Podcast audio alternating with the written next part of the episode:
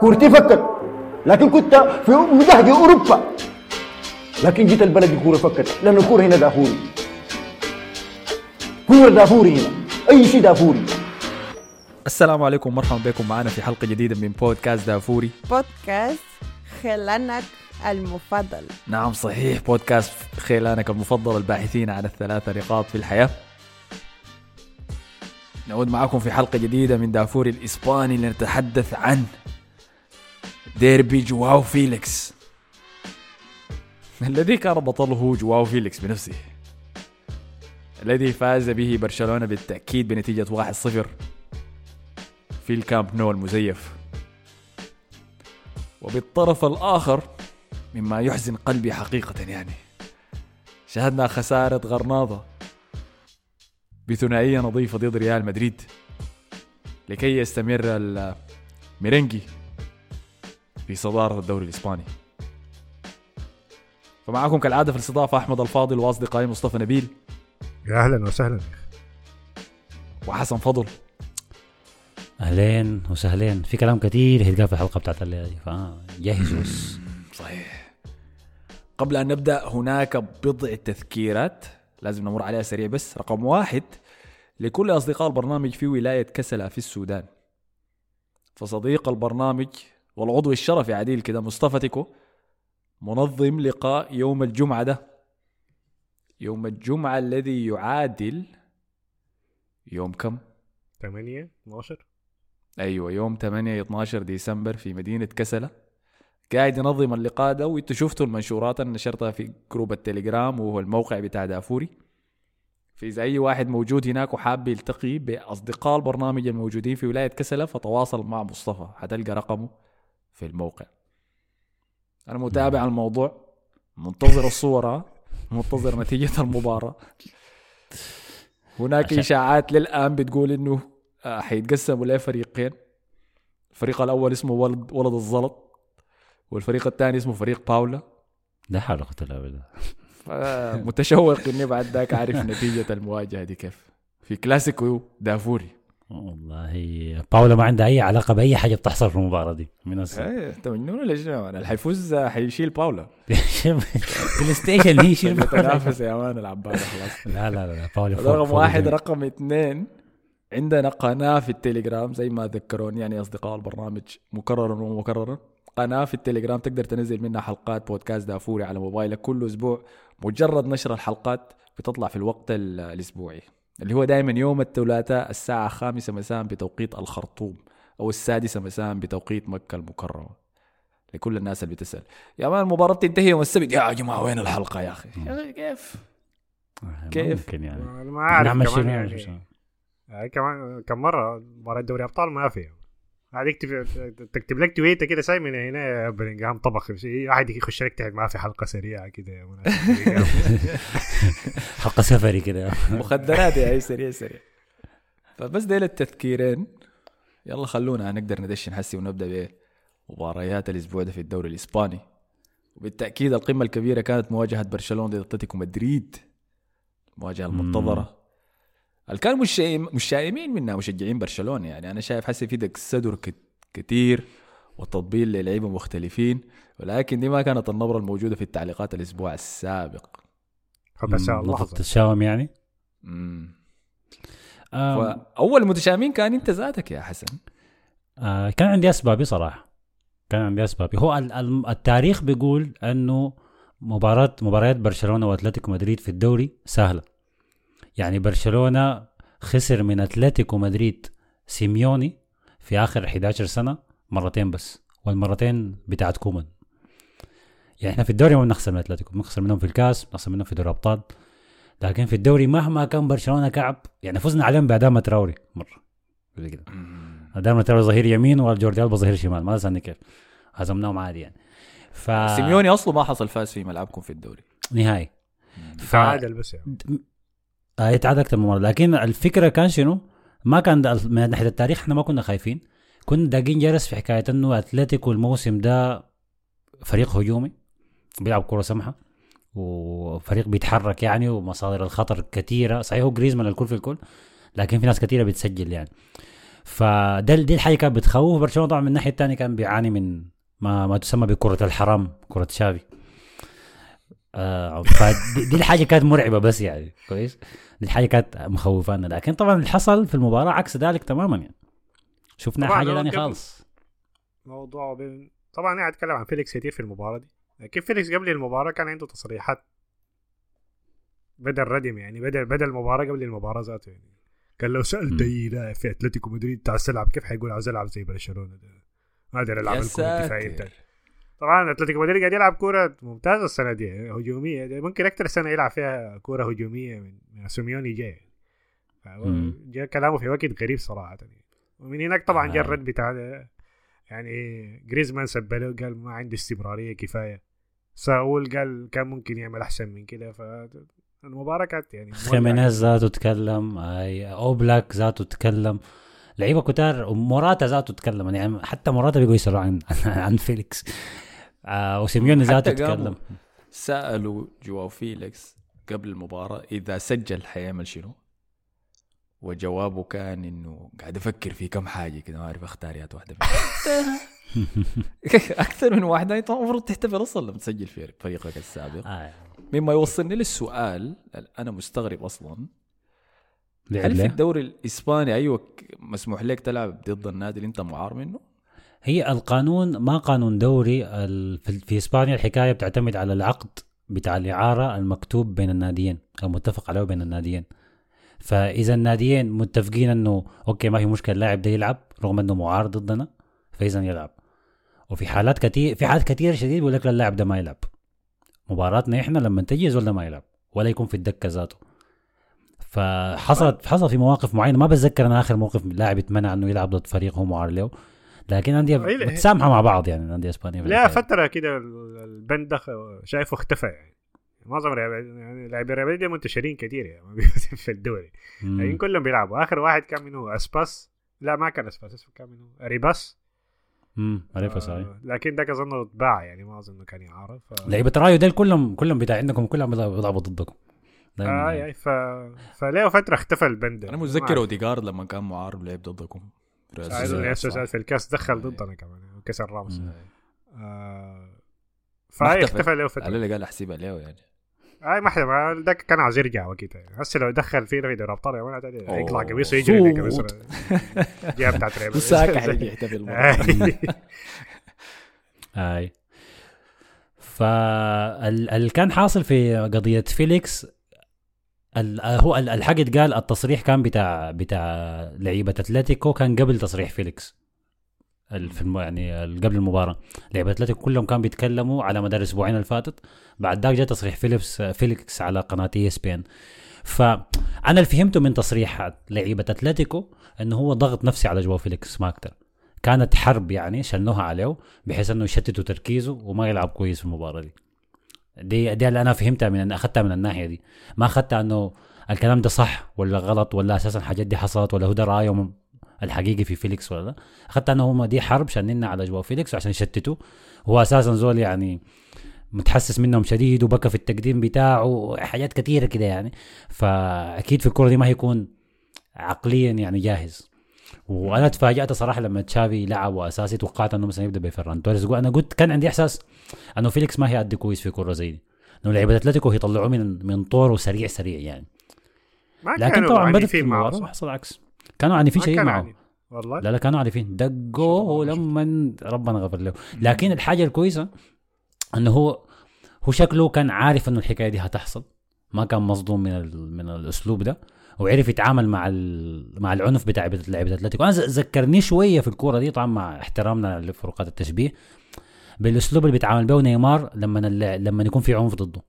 بيبقى مهاري زيادة بيحاول يستفزهم زيادة بيستعرض زيادة لكن بينجح في كل الحركات اللي هو بيسويها دي. فده بالضبط اللي عمله جواو فيليكس في المباراة دي. طبعا آه عشان كليبات الانستغرام بعد ذاك تطلع fire تكون طبعا. أكيد أي أي وعنده مصالحه الشخصية. لكن أيوة، الحاجة والله. ال- الحاجة اللي أنا شايف بيكرت إنه- لعيبة الخصم يعني. آه، الحاجة اللي فادت فيليكس في المباراة دي حاجتين. آه، خط الوسط اللي كان وراه كان دعمه شديد كان خط مثالي صراحة. أخيرا بيدري جوندوجان فرانكي دي يونغ الثلاثية دي اشتغلت كويس في المباراة دي بالذات. الثلاثي كان يعني كان شايل حمل كبير على على خط الهجوم في صناعة اللعب. فكانت الكورة بتصل لفيليكس كثير هو مرتاح. الحاجة الثانية الظهير اللاعب وراه أو الجناح اللاعب وراه خلينا نقول اللي هو جواو كانسيلو. ففيليكس ما كان براه كان لما يضغط على الجهة اليمين بتاعت اتلتيكو اللي فيها يورنتي ومولينا دائما بيلاقي كانسيلو طوالي قطر يعني جاري بيفتح لهم مساحات. آه فدي دي الحاجتين دي تكتيكيا هي خلت فيليكس يكون مرتاح أكثر يعني ما كان منعزل ضد الخمسه مدافعين بتاع اتلتيكو برا ده من الناحية التكتيكية. ده كان تعليق إبراهيم باشا اللي قال لك الجواوين يردان على فورة لبن حسن. فهل يرفع حسن التنكة من النار؟ يا جماعة خلاص سيبوا التعبيرات بتاع التعبير بتاعت القهوة واللبن والحليب هذا خلاص يا احمد ما انت المغرب دي. انت اللي كبيت ال- اللبن يا- المفروض. يا- طبعا أنا عندي رأي في النهاية هقول على على الجواوين في نهاية المباراة يعني بس خلينا نخلص منها. فبدت المباراة ومن من أول خمسة دقائق بدت السيطرة بتاعت برشلونة؟ آه، رغم أنه أتلتيكو لاعب بخمسة مدافعين لكن هي في النهاية هم ثلاثة قلوب دفاع لأنه مولينا وريكيلمي الأظهرة بي- بينطلقوا لقدام كثير شديد. فكان بنت بانت إنه في شوية مساحات. شفنا آه 1 2 ظريفة بين آه رافينيا وبيدري في أول دقائق انفرد فيها أو خش فيها منطقة الجزاء آه رافينيا. راوغ مدافعين وطبعا ده كان حاجة ممتازة. بعد ذاك شاطها بطريقة شينة شديد ضيعها بعد ذاك عمل عرضية تانية ممتازة شديد رفع عرضية ممتازة صراحة رافينيا لليفاندوفسكي ليفاندوفسكي. ليفاندوفسكي شتتها كأنه هو مدافع. كويس. جاته عرضية تانية شتتها برضه تاني كأنه هو مدافع يا man. له هو كان أداء دفاعي ممتاز من ليفاندوفسكي يعني. طبعا أكيد. ما في. ما كان في كلام صراحة. دي دي, دي يعني أداء كان كان كان محبط صراحة من روبرت ليفاندوفسكي لكن أنا قاعد اعاين قاعد أحاول أعاين الجانب المشرق بالكورة دي إنه رافينيا كان كويس. يعني كان الكورة بيستلمها. تحركاته كانت كويسة بي- بيقدر يراوغ بيقدر يعرض. لما يشوت قراراته كانت تقريبا كلها صح. إلا اللمسة اللي قدام الجون أنا دي ما بلومه عليها أنا عارف إنه هو ما مهاجم يعني. فما بلومه عليها شديد. ف- كراو اليمين تكاله بس ما بتعمل آه يا يا يا فاهم. دي كانت تعليق تعليقات أحمد الرشيد. مثلا قال أحسن اداء لرافينيا من جا برشلونه بس لسه ما مقتنعين. وبيدري وديونج ماستر كلاس كالعادة وبيينيا رجل المباراة. محمد عامر قال أفضل شوط أول لبرشلونة من أول الموسم. رافينيا بيقول أنا الأساسي بدون نقاش. و Big Daddy يا أخي غير اسمك يا أخي. يا أخي قال يا جماعة أنتوا شايفين رودريجو دور مكانه كيف بعد ما ميسي خنقه؟ يا ريت لو كان خنق معه رافينيا. فكان أداء ممتاز أي والله من رافينيا آي. حقيقة. ما في أي كلام. الجون ال- ال- التسديد الاولى ديك لو كان سجلها كان حيكون هدف خرافي هذيك. طبعا أكيد هاي هاي فدي بتوصلنا للقطه بتاعت الجون. آه الكورة عند في ملعب برشلونة.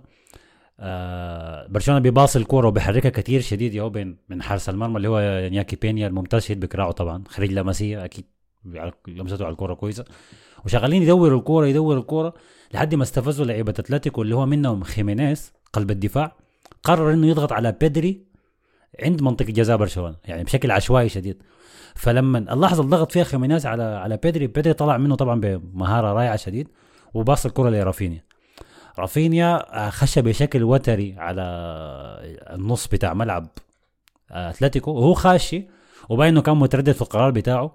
فدي الحاجة أنا عجبتني في اللقطة دي إنه رافينيا وهو جاري فيليكس بقى يفتح له في المساحه وبيبشر له بيده إنه كمل كمل ما تباصي لسه كمل ما تباصي بعدين قال له باصي لي. فكان هو اللي بيوجهه في اللقطة دي.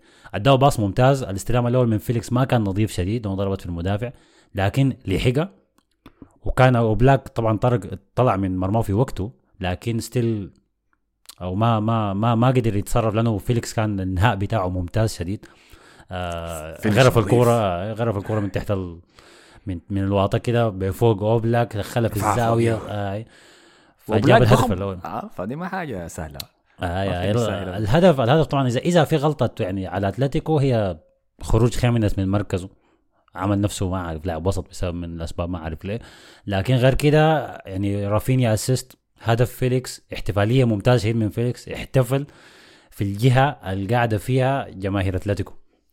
نط وعمل لهم احتفالية بيلينغهام دي. قال لهم أنا موجود. وبعد ما بعد ما احتفل كده جا نازل قام تاني عاين فيهم كده وقال لهم عادي الوضع يعني لما نكون مخلوعين.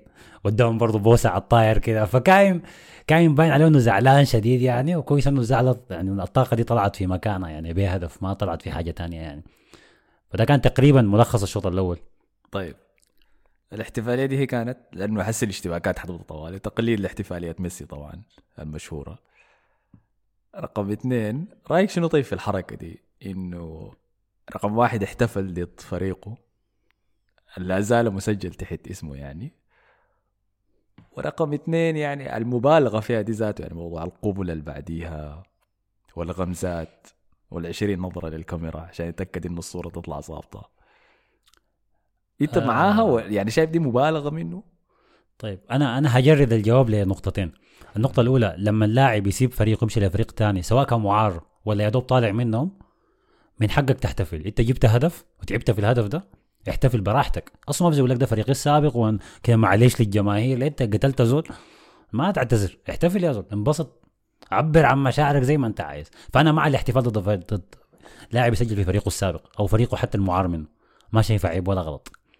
مهما كان اللاعب منه حتى لو كان في مرق من برشلونة وسجل فينا. كويس؟ يعني لو مثلا ديمبلي بكرة والله لا ديمبلي ما بيسجل أهداف دقيقة. لاعب ثاني مثلا. أي لاعب ثاني مرق من برشلونة جا جاب فينا جون أنا هك أنا كارهه هو كشخصه لكن الاحتفالية في حد ذاتها ما هي الغلط يعني ما مشكلة. فدي نقطة. معارضني فيها؟ هل في أي والله قاعد أفكر أنا يا أخي. لكن ما بقدر أفرق بين الاثنين إذا أنت معار لا ما تحتفل. إذا أنت اتبعت احتفل هاي عادي. طب يا زلمه خلاص ما أسجل جون لأنه والله ده فريقي اللي بدفع لي راتبية أنا ما- اسجل هدف. احتراما لكن. ما تحتفل لأنه أنت حتجي راجع يعني أنت فاهمني؟ لما تيجي شهر سبعة يوم واحد سبعة أنت حتكون قاعد وسط ما هي العباد ال- الاحتفاليه شيء رمزي يعني؟ ما شيء مهم كده شديد يعني. لا ما هي الفكرة هنا هو ما عاوز يرجع. هو عاوز يعمل أي طريقة عشان يخسر الناس دي. آه لكن بكلام عام إحنا كده سيبك من فيليكس يعني بنتكلم بشكل عام. آه أيوه, أيوة. لكن أنا بقول يعني فيليكس في الحالة دي يعني لكن كمعار أنا أنا شايف مف... والله أنا شايف في حالات معينة يعني أنت إذا أسطورة نادي إذا هنري مشى مشى برشلونة وكان دخل في أرسنال أنا شايف ما المفروض يحتفل. لا ما في حالات. كده معينة كده. عين لا لإعارة. إعارة والله بتختلف يعني ما أعرف. أنا أنا اللي بيعكس لي عن شخصيته إنه احتفل كده. هي نرجسية عالية شديد يعني.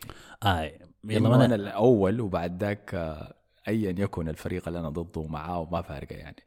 فقصتي الشخصية هي اللي بتطغى على سيناريو القصة مم. ه- هل دي حاجة كعبة ولا كويسة؟ الزول الوحيد اللي بقعان من منظوره حسي هو سيميوني وأنا متأكد إنه ابدا ما حيغفر له الحركة دي وابدا ما حيغفر له التصريحات اللي قالها قبل المباراة دي ذاتها اما الفكرة هنا اللي بقول لك إنه فيليكس أصلا عاوز الحاجة دي عاوز يخسر عاوز يخسرهم يعني ما عاوز أي يكون في أي طريقة إنه يرجع أتلتيكو تاني ده بس بيخطها في طيب. موقف إنه طيب. حتى بعدين لو ما في أسعار كويسة بيتخارجوا منه يبيعوه طيب يلا كويس أنا جاي كسر النقطة الثانية، النقطة الثانية أنه فيليكس عمل الاحتفالية دي ضد فريقه المعار منه أتلتيكو مدريد، هذه حاجة بسطتني شديد. أنا شخصيا انبسطت منه ولو ما كان يحتفل كنت زعلت منه. لأنه هو أنت مارق من نادي حتى لو أنت معار منه عندك معاهم مشاكل كبيرة شديد، في كره باين إنه في كره، باين إنه في حقد وفي ضغينة كده. فأنا عايز الضغينة دي تمرق، أنا عايز تمرق على أرض الملعب، عايز تمرق كاحتفالية، عايز تمرق كزوط كده فيك يا سيميوني.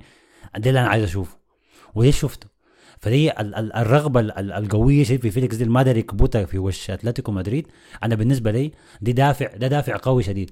طبعا عنده جانب سلبي إنه هو اللاعب في النهاية مص... عنده مصلحة شخصية. أنا قلت من بداية الموسم إنه هو قاعد يفتش المجد الشخصي له عشان يتباع باعلى سعر ممكن.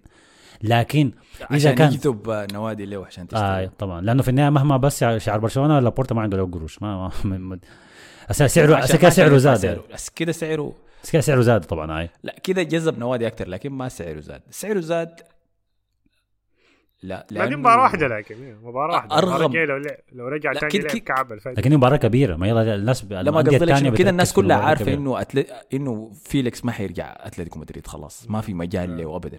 فأتلتيكو مدريد لما يرجع لهم الصيف مرغم إنه يبيعه. فده حينزل سعره للناس اللي حتحاول تشتريه يعني. لكن هو لازم يضمن إنه يكون في جذب له كلاعب الناس تقدر تشتريه. لأنه ده ما نجح في تشيلسي يعني لما كان هناك. فحسي لازم ده يرفع ما ساعده هناك برضه البورصة بتاع لازم الناس تستثمر فيه يعني. آه. يلا شوف لكن أنا من ناحيتي كمشجع لبرشلونة أنا ال ال ال الكره ده عايز أشوفه. لأنه لأنه من غيره ما كان فيليكس ما سجل الهدف ده. لو فيليكس كان لاعب هادي ورايق كده ما كان عمل الح- الأداء بتاعه ده. فأنا مستفيد في المباراة دي. أهم شيء إنه تشافي قدر يوجه الطاقة بتاعت فيليكس دي في المكان المناسب ولو يقدر يوجهها الموسم كله ان أنت تستفيد تطلع لنادي تمشي تتبع له. وأنا أستفيد منك الموسم ده نطلع بأهداف وأسيستات وصناعة وتحركات يعني من غير كورة مثلا. فإذا إحنا اثنين مستفيدين كان بها يعني. بعد ذاك هو زول كويس زول كعب ما بيتبرع للفقراء بيحتوي أنا ما عندي شغلة دي بالحاجة علاقة toxic شديد يعني. أنا ما- آه، إحنا- شفت ال- الكلام بتاع إحنا أكثر من مجرد نادي وكون الناس كويسين وطيبين وبريئين. دي انتهت زمان. أنا هسه عايز بس نتائج داير نتائج بس فأنا بالنسبة لي كنت مبسوط شديد من الأداء بتاع أنت قاعد تقضي يعني. وقت كثير شديد مع لابورتا يا man دي كلمات لابورتا. لأنه أنا عارفه حيبيعوا لك لابورتا في الصيف بيعة طبعا؟ أكيد هاي حيشحن حس المشاعر وبفيليكس و و و و لكن لما نجي الصيف ما حيحاول أصلا يتناقش مع أتلتيكو لأنه. اغلى السعر اغلى سعر حيعرضه أتلتيكو حيكون لبرشلونة طبعا أكيد إحنا إحنا ما حنقدر نطلع به بسعر كويس يعني. دي حاجة ما فيها كلام يعني ف ده كان بالنسبة للهدف الأول. صح. آه. آه. إن انتهى الشوط الأول بالشكل ده آه دقيقة أتلتيكو بس أديك آه، تعليقات عن الهدف طبعا والله يا أخي في رديم كتير لليفاندوسكي نمشي لليفاندوسكي طيب ولا لا؟ آه يا رح واتكسل قال لك جواو فيليكس يحمل الكثير في قلبه لسيميوني وفعلا ده كان واضح من احتفاليته القوية دي يعني طيب نمشي لليفاندوسكي. اللي قالوا لك نبدأ بتعليق علي ذا كولو. طب برضه ده درعة. شنو ده يا؟ الناس دي مالي سي يو ال اي كولو لا أنا كوليه كوليه بال... كي قلت تعليق أنا بعوديك أوريك معناه شنو بعد ذاك قال لك يا جماعة ليفا ده مرض. غايته ربنا يصبرنا لحد ما يجي الولد البرازيلي ذاك. ويتمنى يكون أفضل وأكثر حسما أمام المرمى. وكوندي في المباراة دي اثبت قدرته كظهير أيمن ممتاز عرضيات بالملي. مم. وهشام أديك هشام تعليقه قال شنو؟ قال لك ليفاندوسكي ده عملوا له عن قريب براه بالله. وحامد قال برشلونة في أحسن كورة له في الموسم ضد الاتلتي خط الوسط ممتاز في الخروج بالكورة والتدرج عكس المباريات اللي فاتت كوندي بدع في مركز الظهير والجواوين الليلة بعيدين من النقد. أي.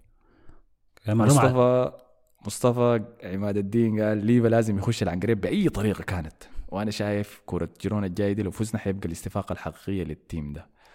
والصافي قال روبرت ليفاندوسكي إلى العنقريب لا قانون حداثة لا صبر أكثر من ده. الدوري الألماني كان مخبي إنك مهاجم عادي قدر شنو. أها. دي كلها الردم الثقيل لليفاندوسكي طبعا في في أثناء المباراة في في طفل صغير خش الملعب. آه ومشى طب ساب كل اللعيبة اللي في الملعب ديل ومشى سلم على ليفاندوفسكي ولابس فنيلة ليفاندوفسكي. أنا في اللحظة دي كنت أتفرج على المباراة والشافع ذاته يخش العنقريب. شفت الجن الصغير ده؟ ذاته يخش العنقريب. ليفاندوفسكي شنو بيسلموا عليه؟ يا آه. ندخل ليفاندوسكي ذاته عمل حريف يعني صراحة أنا والله اسهمي واقع. خلوه خلوه خلوه خليه. يتصور معايا. والله يا أخي الليلة كان سيء شديد في المباراة دي يعني. الفرص اللي بيضيعها دي عادة ما بتضيعها. يعني بيتكلم عن عرضيتين خاصة عرضية كوندي ديك مثلا اللي كان رفع عليه وفاضي جوا الصندوق. كان يعني الطريقة اللي سددها بها كأنها إبعاد حقيقي يعني. ده, ما ليفاندوسكي عين ده ما مستواه الطبيعي. هو الطبيعي شنو كده يورينا له أنا ما أعرف الطبيعي. أنا بقيت ما أعرف الطبيعي ذاته. عين كمهاجم داخل الصندوق عندما تكشر له الفرصة كده تديها له جاهز مهاجم ممتاز جدا سفاح. تديه فرصتين بيسجل لك واحدة منهم. زي شيلوه أنتوا طيب أنتوا مش عايزين مهاجم مشكلته عجوز يعني هو مشكلته كبير شديد ما دي, دي هي المشكلة بتاعته. لكن شنو؟ الأزمة بتاعت مستواه الحاليه دي هي مشكلة ثقة في النفس. هي إذا لاعب عمره 34 سنة عنده ثقة في النفس دي مصيبة دي. دي مصيبة دي. اتذكر إنه الزول ده اترعرع وكبر في الدوري الألماني بين بروسيا دورتموند وبايرن. فحتى لما انتقل من نادي لنادي آخر كان زي بس إنك رحلت في نفس الحلة. فدي أول تجربة حقيقية له بإنه يمرق من منطقة الراحة بتاعته ويمشي لدوري تاني ومكان تاني وثقافة أخرى مختلفة مشكلته يا man ماني مره أنا ما- عذر أنا ما شايفه ده عذر إنت عامل عامل روحك لاعب كبير وسرقوا منك كرة ذهبية وما عارف شنو the best خلاص تتحمل أي مرشح. للبلندور. آه، آه. تجي, تجي هو أكثر زول كان متضرر من الكورونا هو ليفاندوفسكي يعني بعد بتجي ت- تجي إسبانيا ولا تجي إنجلترا تتحمل الضغط اللي بيجيك الضغط الإعلامي اللي بيجيك تغير ال- الأجواء ضغط الصحافة ده جزء منه انت لما تكون لاعب كبير تتحمل الحاجات دي. هذا هالاند هالاند مرق من هالاند مرق من دورتموند على إنجلترا؟ شوف عمل شنو. ولاعب اصغر من الناس بتقول إنه متضرر الكورونا. بالعكس الحاجة الوحيدة المفيده كان في كورونا إنه منعت ال- الحدث الكارثي ده من التاريخ يعني. إنه ياخذ الكره الذهبيه ال- ال- جزء من ده البيئة يعني أنت تقارنه بهالاند هالاند. كان دخل لبيئة يعني احتضنته تماما وشالت منه كل الضغوطات يعني. بينما بالجهة الثانية ليفاندوسكي لما جاء لنفس البيئة آه، الفرق بيناتهم انه ليفاندوسكي جا خش الموسم الأول وفجر كل التوقعات في بداية الموسم يعني. كمية الأهداف اللي سجلها من بداية الموسم اللي شهر اثنين كان تقريبا زول كان مدور شايل برشلونة 1 0 1 0 1 0 ليفاندوسكي ليفاندوسكي برشلونة في صدارة الدوري. لما جاء الموسم ده وحس البيئة اللي حوالينه تغيرت يمكن هو ما حس بنفس التقدير اللي حس به الموسم اللي فات. شفنا قصص الاشتباكات بتاعته مع اللعيبة الشباب ديل كمان من الطالعين فالضغط ده أثر عليه مما أثر على ثقته في النفس. الموسم. الأول هو كان حاسس بالحب من الجماهير وحاسس بالحب من اللعيبة اللي حوالينه الناس كلها بتطلع له الموسم الثاني لما الحياة دي اختفت ثقته اتشالت معاه. اي ما انت ما يلا أنت ما لاعب صغير اللاعب الصغير زي هالاند أنت لازم تح- تحيطه بكل الحاجات المناسبة حوالينه. عشان هو يقدم لك أحسن أداء عنده. لأنه أنت هو لسه لاعب صغير ما عنده خبرة ما عارف شنو الكلام ده كله. لكن أنت لاعب مفروض مفروض هذا ممكن شوف دي غلطتنا كلنا إحنا خدناها في مقام اعلى من مقامه لكن إحنا شايفين أنت لاعب لا- لا- كبير لا- لاعب لا- لاعب لا مخضرم. لا. سمحت. أنا كنت أنا. قاعد أنا كنت في المكان أيوة، في التاريخ أتكلم عن نفسك طيب. طيب أوكي. أنا كنت أنا مشجع برشلونة اخذت لي في مكان غير مكانه. كويس؟ فاحنا توقعنا منه لا أنت بالعكس أنت بالعكس جاي لي جاي لي برشلونة ما نفسه القوي زمان. برشلونة ما ما مستقر لا ماديا ولا في غرفة الملابس. فجزء من مهمتك أنك تساعد في حل المشاكل دي. عشان كده أنت جاي. ده فرقك بين أي لاعب تاني. فلا أنت يعني أنت تجي تعاني واللعيبه الصغار هم اللي بيبدعوا. مع الوقت يعني لما لما الوقت يكون صعب يعني برشلونة في فترة الفترة الممتازة ديك بتاعت بداية الموسم ما هو براول كان كويس بالمناسبة. الدفاع كان ممتاز شديد لعبة الوسط كانوا ممتازين شديد ودي كلها بتترجم إنه هو كان بيقدر يسجل أهداف أو بيصل لمنطقة الجزاء كويس. لكن لما الفريق كله تضرر هو أول زول اختفى فهو لاعب جزء من المنظومة. المنظومة ماشية كويس بيسجل لك أهداف. المنظومة بدأت تتلخبخ أول صح. أول زول بقع أول زول بقع هو فالمباراة دي المباراة دي مثال تاني. آه لكن آه مرة تانية أنا يعني شايف أنا شايف إنه إذا الفريق كله بدأ يتحسن فده هيكون الحكم الحقيقي والنهائي على ليفاندوفسكي. ما دام الدفاع بدأ يرجع كويس الوسط وسط أخير أخيرا شفنا برصات برشلونة كامل. دي حاجة كويسة. بعد ذاك إذا إذا شفنا منه أداء كعب بعد ده والفريق كله كويس لكن هو الوحيد الكعب في المباراة دي بالمناسبة أخذ 2.6 تقييم. 2.6 تيل منو القيد ديل الماركة ولا شنو؟ لا 1 Football ما الماركة. في- الأحمر الوحيد اللي في الخريطة يعني. كان عنده فرصة في الشوط الثاني كمان كان المفروض يسجل. آه ديك ديك كان عنده فيها راحته يعني برضه ضيعها. ف فالمهم أدي أديك شيء ثاني مثلا. كمان في موضوع ليفاندوسكي. إنه يمكن كان بيمر بفترات زي دي لما كان في الدوري الألماني. لكن ما في زول مركز معه. في بايرن أي ما في زول حيعرف. وبايرن حيفوز لا، حيفوز يعني. يعني تشوفوا أنا- موتنج لاعب قدام حيفوز حيفوز برضه ما لا بعدين الفترة الكعبة دي بدأ يدخل جولين بيدخل جولين. أي. في الدوري الألماني. ممكن طبعا هي هنا هنا في في تسليط على- أو يعني يعني الأضواء عليه أكثر وأقوى فالأغلاط الصغيرة بتبان أكثر كمان بتمسك عليه. أيوه أنت أهلا بك في برشلونة تعمل شنو؟ يعني؟ ده جزء من ال... ده جزء من العرض جاك يعني وافقت عليه وأنت خلاص تتحمل يا بعدين بعد. دي حاجة الناس ما بتتكلم عنها لكن الدوري الإسباني دفاعيا ما ما دف... ما كعب يعني. يعني الناس بتتخيل إنه. آه، أربعة خمسة ما كل المباريات كده يعني. آه لو يعني بلوك دوري بتاع الدوري الإسباني ده كعب من كعب شديد. دوري صعب إيه، فعلا أي. دي ما مشكلته لأنه هو قاعد تجيه فرص قاعد تجيه فرص لا بأس بها يعني عدد كويس من لكن. لا لكن مثلا الدفاعية بتاعت المدافعين ما زي الهنا ما زي الدوري ش- الألماني شغالين لا، تنمر لا، فيه أكيد. يعني هو شكله. كده يعني في دق وضرب كثير لكن عموما كده أنا أنا أنا أنا موعدي مع ليفاندوفسكي وقراري إدخاله للعنقريب بشكل رسمي آه، هيكون في دوري 16 بتاع الأبطال طبعا دي يعني بس تاريخ خفيف كده إنه برشلونة فاز على بورتو في نص الأسبوع فوز برضه كان بالعافية 1-0 و 1-0 كان ولا 2-1 2-1 أعتقد. آه. اثنين واحد آه، اي فكده ضمن التأهل لدور ال 16 من دوري أبطال أوروبا. فالمباراه الأخيرة هتكون تحصيل حاصل يعني بتاعت المجموعات دي. فدور ال أديك- 16 هي الحاجة اللي أنا هستناها منه. أديك زول تاني دافع برضه عن ليفاندوسكي اللي هو مصطفى كانسو. قال ممكن أصبر على ليفاندوسكي وتدني مستواه لكن شافي ما قادر يوظف الاوراق اللي عنده التوظيف السليم وفلتت من يده. أنا كنت مفتكر إنه لحد نهاية السنة بيكون لقى تشكيله أو system يريح اللاعبين بدل الإرهاب ده. بقينا نمرق من المباريات بحرارة دم كانسيلو وجافي لحد ما جافي وصار طبعا. زي ما قلت نقدر نتوقع من ليفا يودي مهام برا ال profile حقه زي اللي كان بيقوم بها سواريز. وقام قال بعد ذاك آه، إنه ما كل الألمان قادة وما كل الألمان ما كل الألمان اخلاقهم مثل. ما تنسى مرق منهم الرسام النمساوي ذاك لو متذكرين. هو بولندي ده. ده, ده زر ضر من ألماني. الالمان نفسه ما المانيا يعني هو اسمه. هو بيلعب هناك. طبعا الرسام عندك قصة ثانية.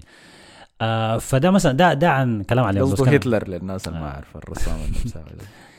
فالمهم أنا ما عايز ما عايز أضيع وقت كثير أتكلم على الناس ما نافعة يعني. خلينا نركز في الناس الكويسة. آه رافينيا كان ممتاز. دقيقة بس آخر تعليق عن ليفاندوسكي لأنه ابن عوف أحمد قال ليفاندوسكي شغل اللي بيسوي فيه ده ما شغل رجال والله. كيف ميتروفيتش يلعب في الهلال السعودي والعارض ده أساسي في برشلونة. عن قريب ويكون عن قريب انفرادي. يا للهول. موعدنا دور 16 دور آه، 16 سوف نحكم على 16. ليفاندوسكي. تمام. تمام. فمن ناحية برشلونة الناس اللي لعبت كويس شديد آه، جواو فيليكس. رافينيا كان ممتاز طبعا لحد ما بدلهم الاثنين. بيدري بيدري كان كويس بدأت لمحاته تبان تبان أكثر يعني لمحاته الفنية ديك. كان كويس. جاندوجان كان كويس. دي يونغ كان عشرة من عشرة. فعلا غياب دي يونغ فقد كبير لبرشلونة. أحسن لاعب في الفريق هو فرانكي دي يونغ. في في كورة كده خلصها من من جريزمان في الشوط الأول كانت مرتدة. حاجة حاجة ما طبيعيه الزول ده جاري يعني هو جاري والمرتدة بيعاين بتلفت يمين شمال يشوف من لعيبه أتلتيكو ممكن تجيب الكورة. اللحظه الكورة آه، مشت لجريزمان. هو عرف إنه جريزمان بيجاي. طوال لف وتزحلق طوال طلع الكورة بتخليص ممتاز شديد يعني. فترفع له القبعة 10 من 10 الأداء بتاعه. آه كوندي في الظهير كويس. أراوخو كريستنسن في النص كقلوب دفاع ممتازين. وطبعا كانسيلو كجناح كان ماخذ راحته شديد هناك في الجهة الشمال. كان كويس. اللاعب الأخير عشان ما يعدي من تحت الرادار ساي اللي هو إنياكي بينيا حارس برشلونة الاحتياطي العمل يعني تصديين ممتازين في المباراة دي التصدي الأول كان فاول من برضو أحد لعيبة برشلونة السابقين منفس ديباي في الدقائق الأخيرة هيدا كان آه، فاول آه. مجنون يا أخي والله تصدي مجنون. آه تصدي ممتاز شديد لا طلع. ب... بيده طبعا منفس ديباي عمل شعره ضفاير على أساس إنه قال لك تشيلسي ممكن يجيبه في. في الشتاء. كويس. وبعد ذاك في في, في الآخر دقائق برضه ثاني جت جت هجمة من أنخيل كوريا. وبرضه يعني يعني فتح كرعينه ومد يدينه بشكل كويس غطى المرمى كله إنياكي بينيا وتصدى للكوره فأداء ممتاز برضه من إنياكي بينيا اللي بيعوض غياب تيرشتيجن طبعا كل ما كل ما ياكي بينيا يعمل تصدي ولا يباصي باص كويس كده يعني تعرف من فوق. من من يعني عرض به الملعب الكاميرا تمشي على تيرشتيجن طوالي ف طبعا ما قرار تكتيكي ولا أي حاجة تيرشتيجن مصاب وفي كلام إنه هيخضع لعملية فاحتمالية غياب وغيابه هتكون كبيرة يعني. احتمال الزول ده ما يرجع قريب. فترة طويلة. آه هاي. فالاعتماد يكون على محمد عامر بينيا. برضو مدح بينيا قال بينيا يتعملق ورغم إنه تشتيجن أحسن منه بالرجلين بس مفروض يكون دقة داق- ناقوس الخطر عند شتيجن ويعرف إنه يوم اللي بيلعب كعب في عملاق مستني في الدكة بالتأكيد. أنا قلت دي من حياة الفاقدة كان تيرشتيجن السبب اللي ادى لتدهور فورمته حسي. آه إنه ما في منافسة له من الدكة. فإلا ننتظر حسي رجعته من الإصابة ونشوف بعد ذاك المستويات اللي حيقدمها لكن أنا متأكد إذا ما غاب يعني وقت طويل حسي وجا راجع للتشكيلة حتشوف مستويات أحسن بكثير من اللي كان بيقدمها والله أنا ما أعرف ما عرفت مصطفى رأيك شنو؟ لأنه عندكم مثلا كورتوا غاب ويغيب كثير يعني. أنا الحارس بالنسبة لي لما الحارس اتصاب في نص الموسم ويجي راجع لسه في نص الموسم ما هي يرجع لك من أول كورة هيكون كويس. هي ادي هيديك أداءات بطالة شديد. يكون مغبر مصدي باصاته غلط كور بيدف بيدفك كور كثير فالمباريات الأولى اللي اشتغل لما نرجع هتكون كعبة شديد. اي أنا شايف ده يعني إذا هو بيلعب رجلينه كويس وحاجة كده شايف تكمل معاه فترة كده لحد تجي مباراة سهلة كده بعدين تبدأ تدخل شيء ما ترمية طوالي.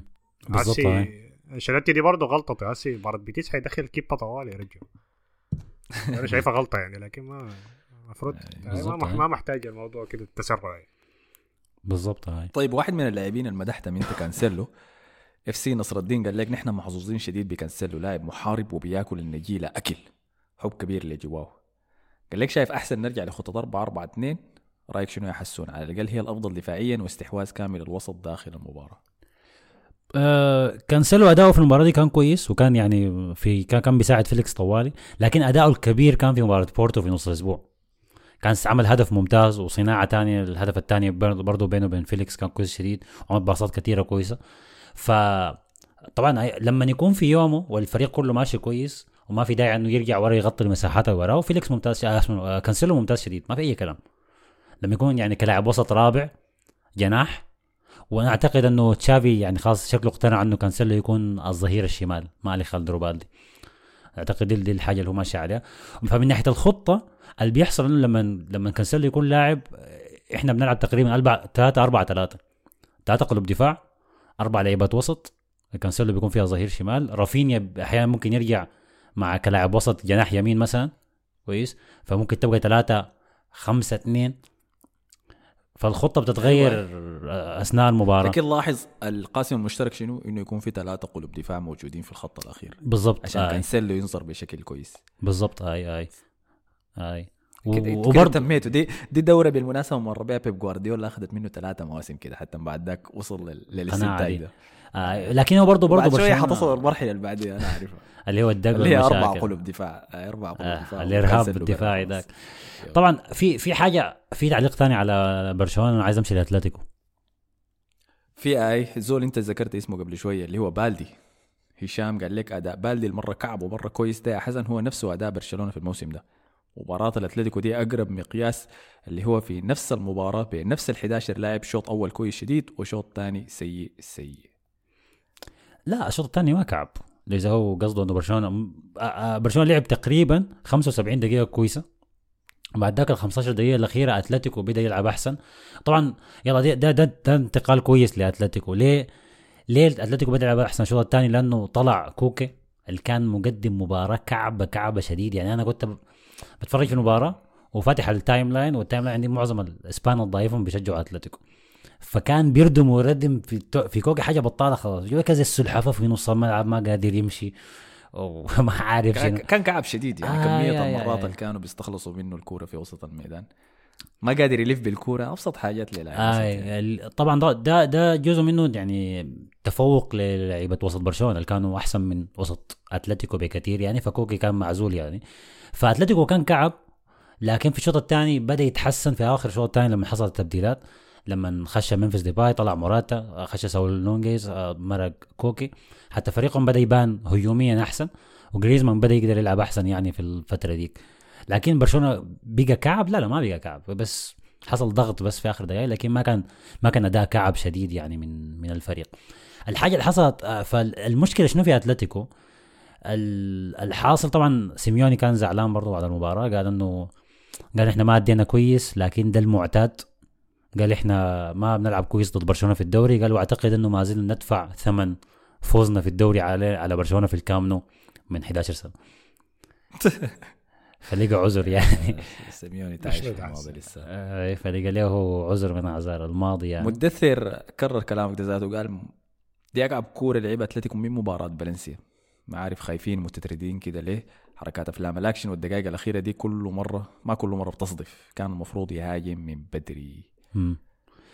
آه فالحاجه الحاجة. الكويسه الوحيده اللي هذكرها في أتلتيكو هو ماركوس يورنتي قدم مباراة مباراة صراحة كويسة شديد وبالذات في آخر دقائق لما أتلتيكو بدأ يضغط وبرشلونة بدأ يرجع للدفاع جت هجمة مرتدة لبرشلونة فيها أربعة من لعيبة برشلونة ضد فقط ماركوس يورنتي أربعة لامين جمال ليفاندوفسكي فيرمين وفيران توريس ويورنتي بس بتلفت يمين شمال وهو جاري مديهم ظهره ما عارف الكرة هتمشي لوين فلامين جمال طبعا هو جاري بدأ يشوف في النص شويتين. ليفاندوفسكي فتح له يمين. عال ليفاندوفسكي والله ما اديها ليفاندوفسكي ده اديها لاي زول تاني. شوف على المسيح ده القروا معاي بعرفهم كويس يعني. ف فباص الكرة لفيرمين. اللحظة ديك طبعا يعني أنت تخيل مدافع وحيد قدام أربع مهاجمين. ماركوس يورنتي ضغط على فيرمين بسرعة شديدة ما اداه فرصة ذاته إنه يعني يستلم الكورة بشكل كويس وقطع منه الكورة. فكان بالنسبة لي لقطة دفاعية 10 من 10 يعني. وحشة. وحش أربعة ضد واحد وأنت تتفوق فيها؟ آي آي آي فدي ممتاز يا م- أخي. ممتازة شديد يعني. ده غير مساهمته الهجومية في اللقطة الطبخ لك فيها اراوخو يعني. اراوخو قال دقيقة. أنا بجيبه زي حليم انه خشوا في سباق ضد بعض. خشوا في كتف كتف لكتف ضد اراوخو شفت آه. لك اراوخو تكرفس يا ما في الأرض ورفع لك راسه معي ده شنو ده؟ شنو الحاصل؟ ده من وين ده؟ فهي هاي بس ممتاز. اتلتيكو الفرصه بالغ آه، والله المشكلة ما عندي استمرارية دائما كده. دي المشكلة بتاعتي. يعني قدم موسم فاز في لما قدم موسم كويس فازوا بالدوري. بعد كده آه. اختفى فترة كده فما عنده استمرارية بس لكن ده ناحية ناحية جرعة من من ناحية سرعة قصدي ومن ناحية حكاية بدنية يعني لاعب ممتاز شديد. ما في أي كلام عليه طبعا. لعب لك زي من اللعيبة اللي يمين. أنا بحلم بهم يعني أتمنى إن نقدر نجيبه في أرسنال. ما عندي صعب لكن تقلعوا من احت- احتمال احتمال مع يعني مع فريق هجومي بيمسك كورة أكثر ممكن يكون أحسن. ممكن يكون آه. ما في شغل لكن أيوة. أنا داير الرجال يا مان. أنا قاعد أفتش الرجال تشريد الرجال. يعني ده أحسن. والله يا أسطى. مرشح ممتاز له. يلا عايز شوف شوف حاجة حاجة أخيرة بس في أتلتيكو. آه ما تمرق لاعب آه system أو لاعب منظومة من أتلتيكو تتوقع أنه ينجح في فريقك؟ اللعيبة ديل بيعيشوا بيعيشوا بس في أتلتيكو بس يا man. بيمرقوا كانهم زي السمكة برا الموية ما بيقدروا يتنفسوا ده. كلام عن معظم اللاعبين اللي شايف حسي يعني لو طلعته من ال system ما تتوقع منه الحاجة دي لكن لا. أتلتيكو الفرق بالذات يعني لكن انه آه لكن الفرق إنه أرسنال هجومي شوية يعني. ده يعني لا okay والله بيلعبوا هجوميا أحسن أتلتيكو السنة دي لكن احتمال يعني.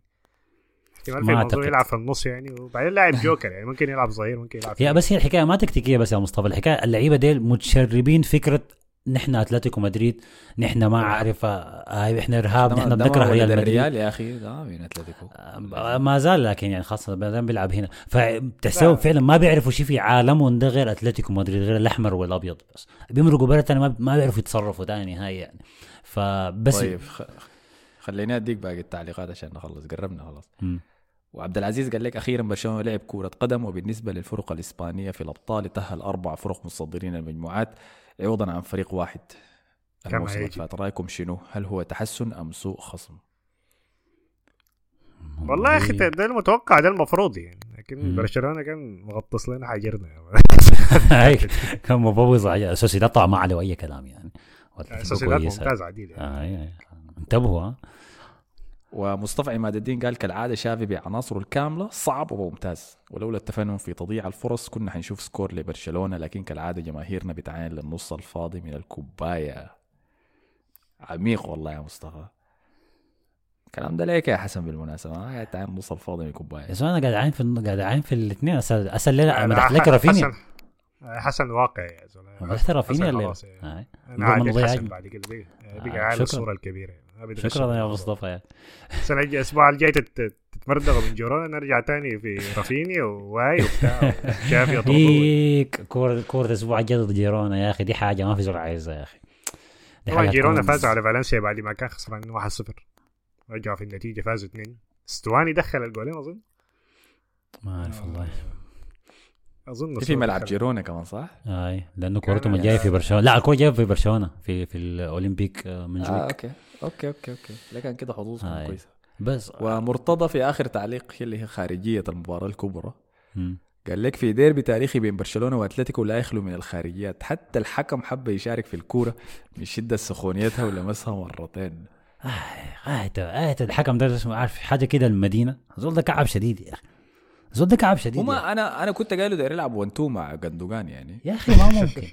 يا والله العظيم ما ممكن. شكله ذاته مستفز يا أخي الحكم ده. شكله آه ذاته يا. وشه كده س- سحلية كده. غريب يا أخي. يا أخي ما ممكن. أنت بتعترض اللاعب كويس. بتحصل اغلاط أغلاط زي بتحصل. يعترض اللاعب وقطع الكورة بعدين قال ما أنا أنا ما عملت شيء. كويس؟ كمل لعب يا man. ما المفروض إنك أنت تشيل الكورة توقف اللعب. قال لا كمل لعب أنا ما سويت شيء. كملوا لعبكم ده. دي كانت الخارجية الأولى. الخارجيه الثانية كان في لقطة فيها شك على الأقل ممكن يرجع فيها للفار اللي هو على جواو فيليكس في نهاية الشوط الأول لما هيرموسو يعني عفص كرة على فيليكس. كويس؟ عفصها عديل كده عفص كاحله يعني. وفيليكس طبعا عشان شات الكورة والحارس طلعها طبعا المعلق الإسباني في اللحظة قال آه دي فيها شك لكن خلاص فيليكس شات الكورة. عشان كده الحكم كمل يعني. لا يا زول لا يا شيخ. فدي لقطة على الأقل كان يرجع فيها الفار ما ولا ولا فكر إنه ذاته ممكن تكون فاول. الخارجية الثالثة ودي طلعت بعد المباراة قال لك إنه عفوا طلعت بين الشوطين. قال لك إنه الحكم المساعد قال لك إنه الحكم الرئيسي رسل الحكم المساعد بين الشوطين. قال لك إنه سمع تشافي نبذ أو مساعد تشافي نبذ الحكم وهو داخل على غرفة الملابس. كويس. فقال لك بعد ما دخلوا غرفة الملابس وقفلوا الباب فالحكم قال امشي الحق الجماعة دي فاللك لحقهم بقى قاعد جنب الباب كده وبيسمع. قال يمكن يسمعوا بينبذونا ولا حاجة. وهو بيسمع كده فتحوا عليه الباب. قال أنتوا بتسوي شنو؟ قال أنتوا كنتوا بتنبذوا في في نيك حكم. لا ما يا أخي تزيح من هنا. فاشتبكوا مع الحكم بين الشوطين وكتبوا في التقرير بتاعه. فالدوري الاسباني ده حاجات غريبة كده يا أخي. الحكام دي بياخدوا الموضوع بشكل شخصي يعني. فدي كان كل التعليقات عن برشلونة. كويس كده خلاص نقدر نخش لريال مدريد اللي بالتأكيد لا زال مستمر في صدارة الدوري الإسباني بعد فوزه على غرناطة بثنائية في البرنابيو. بعد فوزه الكبير كان في دوري الأبطال ضد نابولي برباعية. كانت المباراة الخلابة كانت البطلة طبعا جود بيلينغهام. فكان أسبوع كبير لكم يا مصطفى. مباراة نابولي دي ممكن تكون من أكثر المباريات الممتعة في الموسم ده.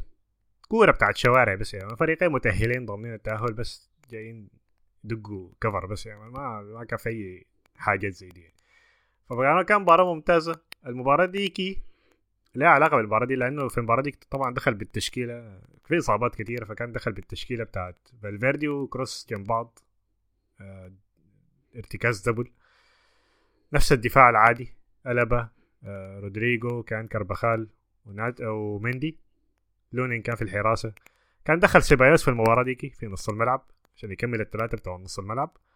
وبعدين بيلينغهام ورودريجو و وخوسيلو كان لعبوا في المباراة ديكي. وكمان إبراهيم دياز إبراهيم دياز كان برضه لاعب أيوه. فأظن خوسيلو ما كان لاعب. أي خوسيلو ما كان بدأ المباراة ديكي.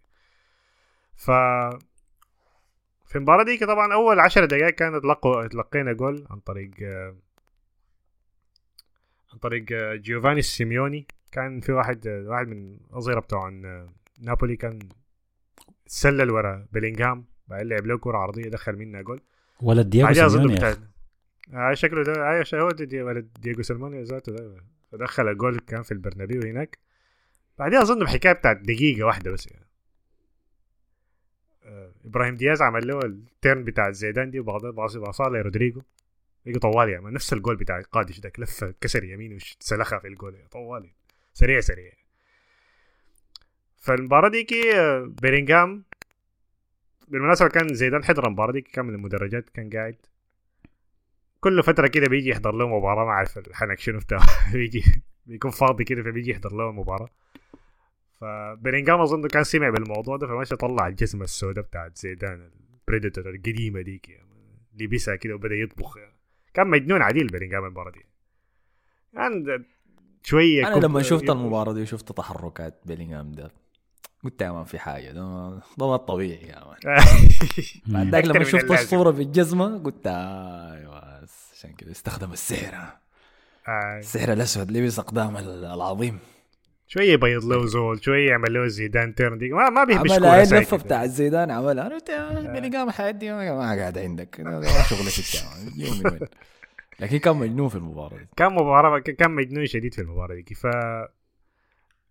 فبعديها. طبعا سجل فيها جول الجول. الجول الجول كان مجنون. اللي بيعجبني فيه إنه أول ما يستلم ال IQ بتاعه ممتاز شديد. يعني لما يشوف قلبة مثلا أو كروس ماسكين الكورة في نص الملعب بيعرف إنه لازم يتحرك طوالي. بيعرف إنه حيوصل له الكورة. فتحركاته ممتازة. دائما متحرك الزول ده ما شاء الله. يعني. فالكورة كانت جات من قلبه. نص الملعب كان رفع له هو رفعه. ممتازة. ما زي ناس ثانيين فرفع له الكورة. الله يهديك يا نيكولاس جاكسون يا man. ذاك مشغول في حياة ثانية فرفع آه. له الكرة طوالي بالراس دخل منها جول التعادل اللي كان انتهى فيها الشوط الأول. آه، الجول الثاني قصدي كان انتهى فيها الشوط الأول. دي كان فيها طبخ أكثر من اللازم. يعني كل حكاية خمسة دقائق كده في واحد بتبيض يعني. بوليتانو ذاك في نص الملعب كان بيطبخ دائما اللي بيطبخ كان بيكون كروس. مسكين يعني ما طبخوا طبخ كده غريب يعني. أظن بيضوا ثلاثة مرات في المباراة دي لكن فالفيردي كان قاعد بينظف أي حاجة. فده كان نهاية الشوط الأول. الشوط الثاني يمكن كان الفريق كله لعب مباراة كويسة إلا لاعبين. سيبايوس كان مصدي كان منتهي شديد يعني المباراة دي. كان. كعب يعني. راجع من الإصابة ما. اي ما حلوم راجع من الإصابة شرطي قال ما في زمن طوال البس قميصك خش. ما في.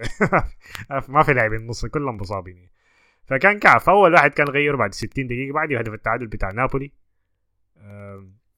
هدف نابولي ده كان آه، اللاعب بتاع النص بتاعهم اللي اسمه أندري زامبو. كان حاول يلعب كروس ضربت في سيبايوس رجعت له. ما مش سلخها طوال. جول برضه كان مجنون. جاب منا التعادل. بعد كده بقى المباراة كلها قلبت طارصه وخوسيلو حيدخل 200 مم. يباصوا لخوسيلو يضيع يباصي لخوسيلو يضيع يباصي لخوسيلو الحكاية بتاعت خمسه كور يا مان باصة. أما الجوال بدأ يصفر عليه. ده شنو ده يا مان؟ خارج. المعرض ده يا مان. ما زهقنا منه. لأنه كان فرص كده غريبة يا man. زول بيلعبوا له كوره في لقطة كده يعني في واحدة cross من مندي ضيعها. في فرصة تانية كان عاوز يلعبها double kick مرتين كان عاوز يلعبها double kick فكرة مندي دي كان ما حلومة لأنه ما في واحد يتوقع ذاته إنه مندي يلعب له cross كويس زي ده. كان cross أنا ذاته تهجمت الناس كلها تهجم اديش ال cross تطلع بالمندي ده. ما- عوايدك يعني. بعدين اللقطة اللي بعديها المشكلة كان في كل ما يضيع بيلينغهام بيكون ظاهر في الصورة. دي الحاجة اللي بتغز يعني حاجة شايفها نيجاتيف شوية في بيلينغهام يعني. لأنه بيكون دائما واضح في ال... لأنه دائما بيكون قاعد جنب الصندوق. فكل ما خوسيلو يضيع الكورة بتلقاه ضرب في الأرض ضرب الدجيل في الأرض. يا أخي شنو؟ تاني ضيعتها يا يعني. فدي حاجة هاي فدي, حاجة ما شايفها كويس. يعني أنا يعني في حاجتين يعني حاجة ال- الزهج الواضح اللي بيظهر عليه ده لما الناس يضيعوا فرصة أو ما يباصوا له وبعدين دائما عاوز يطلب الكوره تكون عنده.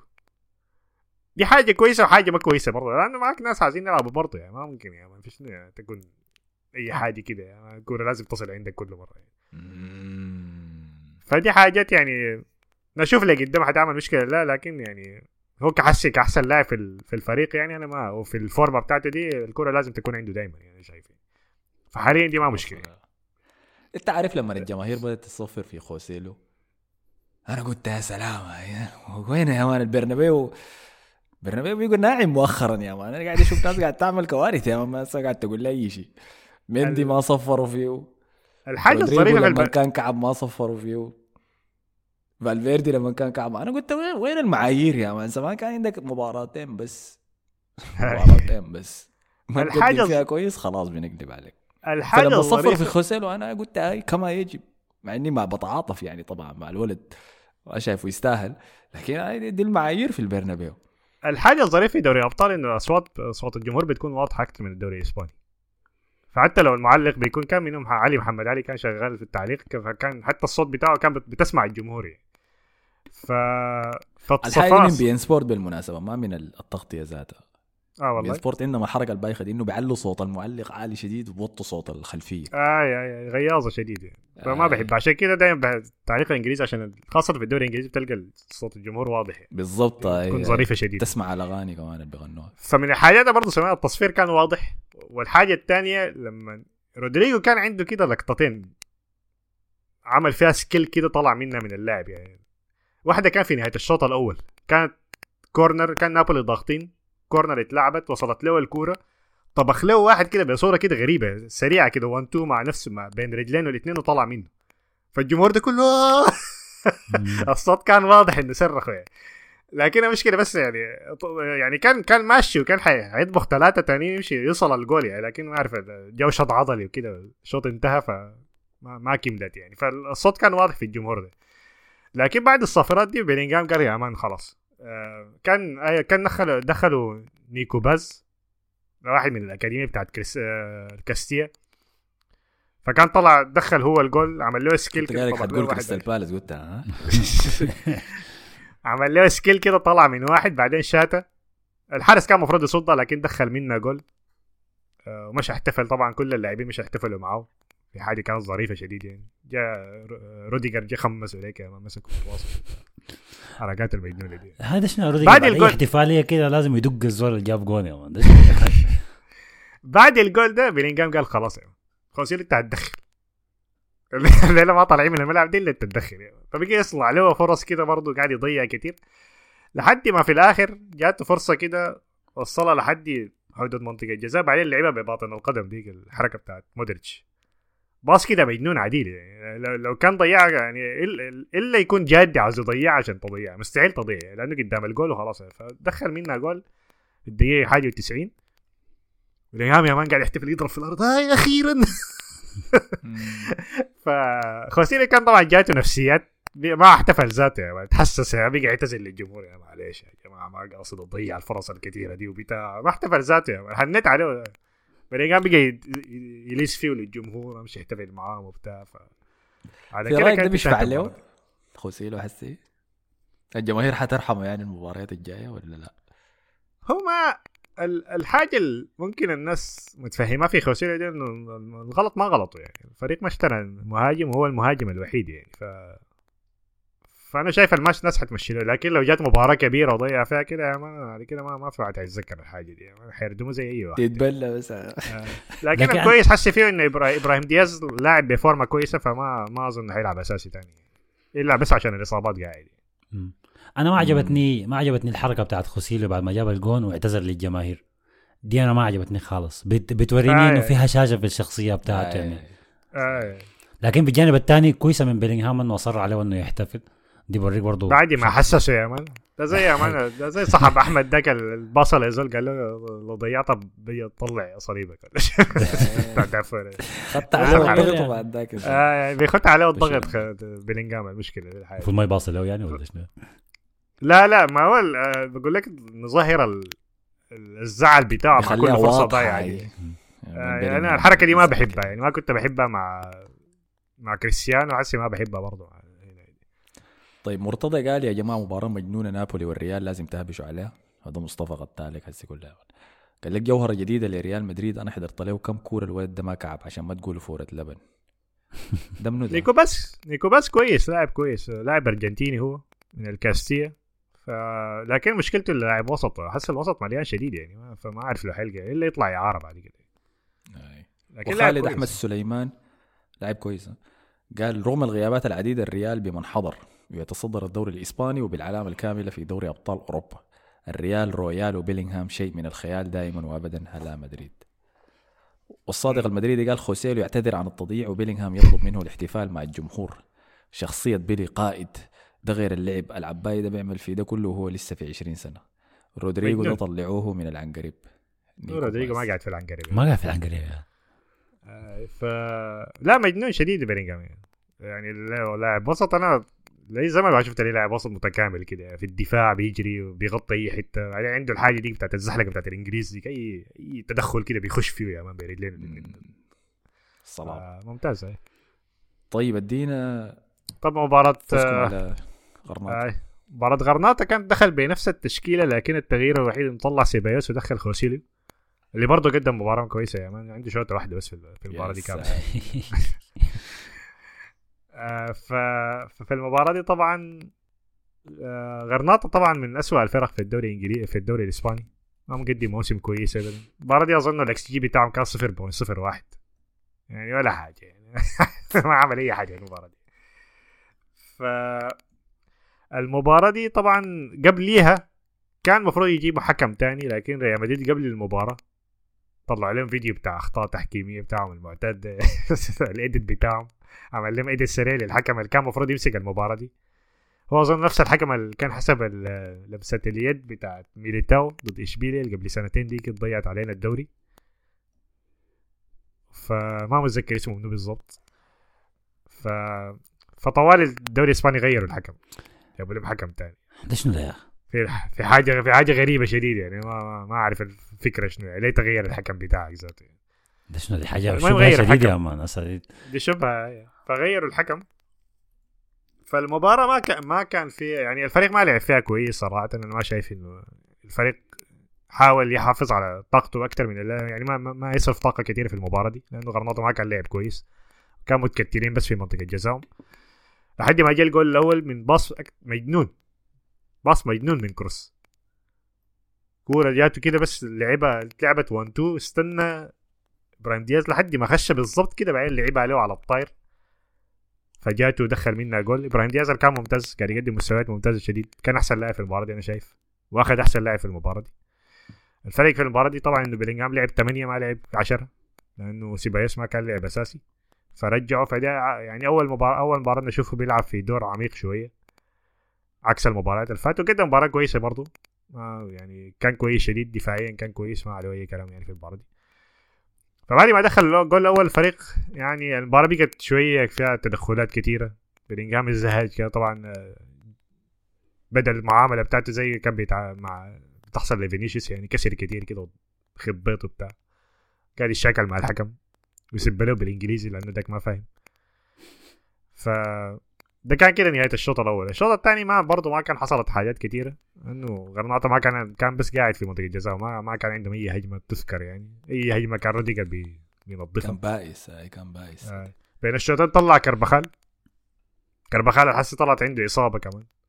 مم. فما حيلعب أسبوعين أو شهر ثلاثة. قالوا قالوا شهر. آه. فالفريق ماشي بعكاسات هسه عديل يعني. ما في خلاص يعني. جيل عظم بدون جيل ذاته الفريق ماشي دخل لوكاس فاكس في الفرد.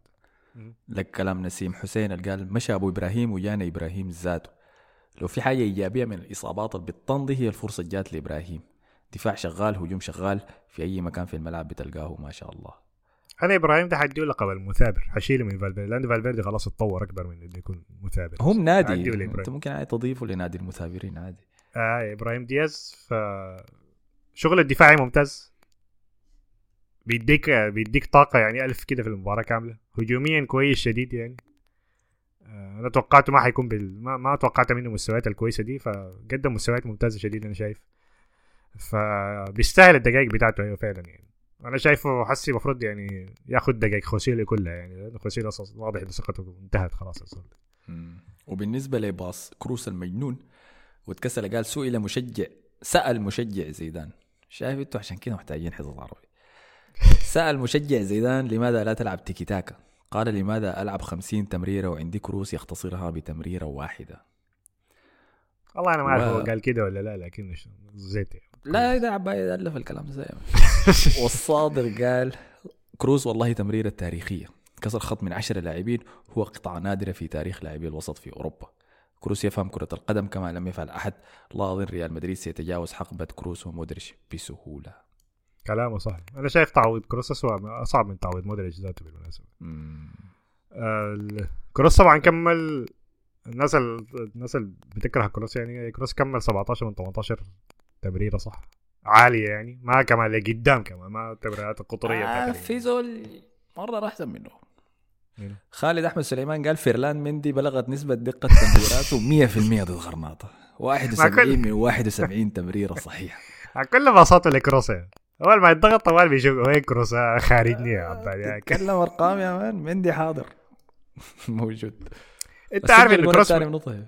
أنت عارف إن كروس من سنة 15 16 2015 2016 آه. عنده 8 مباريات مباصي فيها أكثر من 15 باص ونسبه تمريرات 90 تاني واحد وراه أربع مباريات بس. اللي ما عارفين ذاته ده والله المهم الب- النيرز دي يا مان. ما, ما. فهمت. عنده 15 مباراة شنو؟ عنده 8 مباريات فيها 15 أو أكثر باص طويل بنسبة 90 فوق ال 90% آه. طيب okay. الجول الثاني طبعا دخله رودريجو يا أخي. كرة على النار يا زول سلخها لأنه سلخها كان بعد ما بيلينغهام ضيع الفرصة. بيلينغهام طبعا قاعد يزهج يعني ما اعرف آه، خف خف شوية الزعل بتاعك دائما لما تضيع فرصه يعني إيش الحركات دي؟ فرودريجو سلخها ودخل منها جول على كده المباراة كانت انتهت يعني. أنا ما أعرف بيلينغهام لعب 90 دقيقة ليه المباراة دي كلها؟ أنشيلوتي ده مصر إنه يجيب له إصابة ما, ما عايز يخليه كده زي ما كانوا سألوه بعد مباراة نابولي. محمد عامر قال أنشيلوتي سألوه قالوا له جود بيلينغهام هل سيلعب غدا؟ أنشيلوتي قال له ما هي. هو تعبان وبيعاني من عدم الراحة في كاحل لكن حيلعب بكرة. ما صف. العجوز ده خرب خلاص. هو بيلينغهام وإبراهيم دياز الاثنين مصابين في ال... في الكتف بالمناسبة. الاثنين المفروض يعملوا عمليات لكن الاثنين ما حيعملوا لحد نهاية الموسم. حول طيب اودي العسكر قال لك آه، بمناسبة رودريجو يعني سجل الهدف الثاني قال لك رودريجو يواصل يواصل التألق والدياز ده بيطبخ الناس دي كلها. إن شاء الله المخرف ده يلعب وما يعفنه في الدكة وخبر حصل مني ومتأكد منه اللي هو فريمبونج جاي الريال مع شابي ألونسو. مصدرك من إيه معلش والصادق قال رودريجو سجل سبعة وصنع أربعة في آخر خمسة مباريات. العنقريب طلعوه منه. يا جماعة تشكيلة. هو الناس اللي بيدخلوا العباد العنقريب مرقوهم يا man، الشغلة دي فالت تشكيلة الطوارئ الحالية فرضت نفسها أكثر من التشكيلة الرسمية لريال مدريد حتى الآن. ونيكو باز يستحق يكون في دكة الفريق ودياز فرض نفسه رودريجو حسي وصل رودريجو أخيرا يعني له سنة يا man أخيرا مستنيني حاجة دي لكن أخيرا عاد الاكس جي بتاعه بتاع الموسم أخيرا يعني حسي دخل وصل 8 أجوال ف فهي ده لسه رقم له في. موسم قبل كده صح كان سجل آه، 8 إيه. أهداف في آه. الدوري ف فدي حسي فترة ممتازة له شديد يعني تاني حاجات كان إنه بالنسبة ل نيكو باز أيوه ممكن هياخد دقائق أكتر لكن هذه كده نستنى الإصابات. الوحيد اللي حيرجع بدري يعني هو أظن تشوميني بدأ يرجع للتدريبات. اردا جودر برضه رجع للتدريبات لكن ما عارفين متى حيرجع أنا نسيت والله ذاته. أنا ذاتي نسيت والله. آه وغير كده أيوه قال المباراة الجاية حتكون ضد بيتيس. قال حيبدأ بكيبا أساسي. قال خلاص يعني كيبا رجع إصابة حيرجع أساسي المباراة الجاية. ما عارف الفكرة شنو. مع إنه لونين قاعد يقدم مستويات كويسة. لكن هو قال إنه ده كيبا كلام حيلعب أساسي. نسيم حسين برضو قال لونين محظوظ عنده أفضل مكان لمشاهدة المباراة. الدفاع مقدم مستوى ممتاز بوجود ألبا ومندي ودي حاجة غريبة. مما أدى إلى صفر تسديد على المرمى عكس بعض الناس من 17 ثانية. أي والله دي, دي حاجة صدق نقطة كويسة أنا كنت عايز اسال فيها مصطفى. الفرق التعبانة دي ناس قادش وناس مايوركا وناس ألافيس. لما الريال يلعب ضدهم يعني الريال بيلعب ب ب 50% من طاقته وبيفوز لكن ما ما فوز إرهابي يعني بي- بيبين لك إنه الكورة دي سهلة شديد يعني حكاية ما معقدة وبتلاقيهم خلصوا المباراة وفازوا. إحنا بنتبهدل ولادة. يا يا كون خسرنا يا جا فينا هدف بدري يا عدنا بريمونتادا وبعد طلوع الروح. فأنا المشكلة ما أعتقد الفرق دي هي ما ضعيفة الفرق دي كويسة بالمناسبة لكن بس الريال بيعرف يتعامل معاه كويس من بداية المباراة بيسيطر على الكورة وما ما يقدروا يعملوا شيء. لكن من جهة ثانية برشلونة من بداية المباراة برشلونة هو الخايف والفرق دي هي هي, هي اللي عندها الجرأة. لكن الفرق دي ما بتتجرأ على مدريد بتتجرأ على برشلونة بس. فرق ثقة بس أنا شايف يعني إحنا بداية الموسم اللي كان ممشينا كان بيلينغهام كان فينيسيوس ورودريجو ما كان كويسين. حسي رودريجو بقت رجعت له الثقة فبقى ماشيين هو فترة هو وبيلينغهام ماشيين مدورين. يعني فحكاية بتاعت لو جات أزمة ثقة للفريق ده وبدأ يخسر مباراة بيتيس دي أنا شايفها كده فخ شديدة يعني الأسبوع الجاي دي. لو طلعوا من المباراة دي حتكون حاجة ممتازة شديدة يعني. فدي أهم فترة في الموسم يعني. فأنا بس شايف إن الثقة هي اللي ممشي الفريق الحاجة دي يعني, يعني في لاعبين كتير في في فورمة عالية شديدة يعني, يعني فالفيردي بيقدم واحد من أحسن مواسمه. زول ده مجنون يعني. ما شاء يعني الزول ده بيغطي الملعب كامل يعني. هجوميا دفاعيا بيغطي على كروس. أي حاجة بيعملها يعني ف فبس يعني أنا شايف يعني. اللاعبين كلهم في فترتهم كويسة شديدة. لكن ريال مدريد دايما الفرق اللاعبين بينزلوا مستواهم بينزل في الفترة بتاع شهر 12 لحد شهر واحد. دي الفت دي, دي, دي أخطر فترة على الفريق دايما في الدوري. بعد كده بيرجعوا مع دوري الأبطال بيرجعوا فورمة مرة ثانية أنا ما أعرف دايما بتحصل كده يعني. فانا شايفها بس حكاية بتاعت الفورمه بتاعت اللاعبين حسي إذا بدري وديونج رجعوا يلعبوا كويس برشلونه حيدور ثاني والله أنا ما أعرف يعني لأنه بعيدا مثلا من مثلا الثقة بتاعت مدريد الثقة بتاعت الفرق الثانية يعني هم بيجوا متجرئين على برشلونة. كويس. هم ما خايفين من برشلونة نهائي يعني. دي, دي الحاجة اللي بتزعل. يعني مثلا آه، قادش ده عندهم لاعب اسمه لا عفوا غرناطة. غرناطة عندهم لاعب اسمه ب- براين ثراغوثا. ده ده قدام برشلونة اللي لعب كويس جاب هدفين لما استدعوا المنتخب. بسببنا إحنا كويس هسه قدام الريال ولا ظاهر ذاته نفسه جايب سيرته يعني فهي حاجة أنا. بتساعدني جد يعني اي ما الناس بتشوف الفورمة يعني بتشوف ال... بتشوف الفريق يعني بيعاني وخسر مباراة قبلها بعد كده بيكون خطتهم انه نبدأ المباراة قوي بس يعني نضغطهم وكده يعني. ما- حاجات بتكون أصلا بيتكلموا عنها يعني قبل المباراة يعني ما كان وبيقوم برشلونة بيغلط من الوسط وبيديم الكورة من أول خمسة دقائق أي إذا أنت اشتغلتوا مثلا مبا- مباراتين ثلاثة مباريات ولا أربعة أربعة صفر فرق ثاني حترجع تخاف يعني. الموضوع ما هي ده, ده, حلم ده وشيء ثاني موجود عند الريال اللي هم كروس ومودريتش يعني بيطلع كروس هو بيلعب.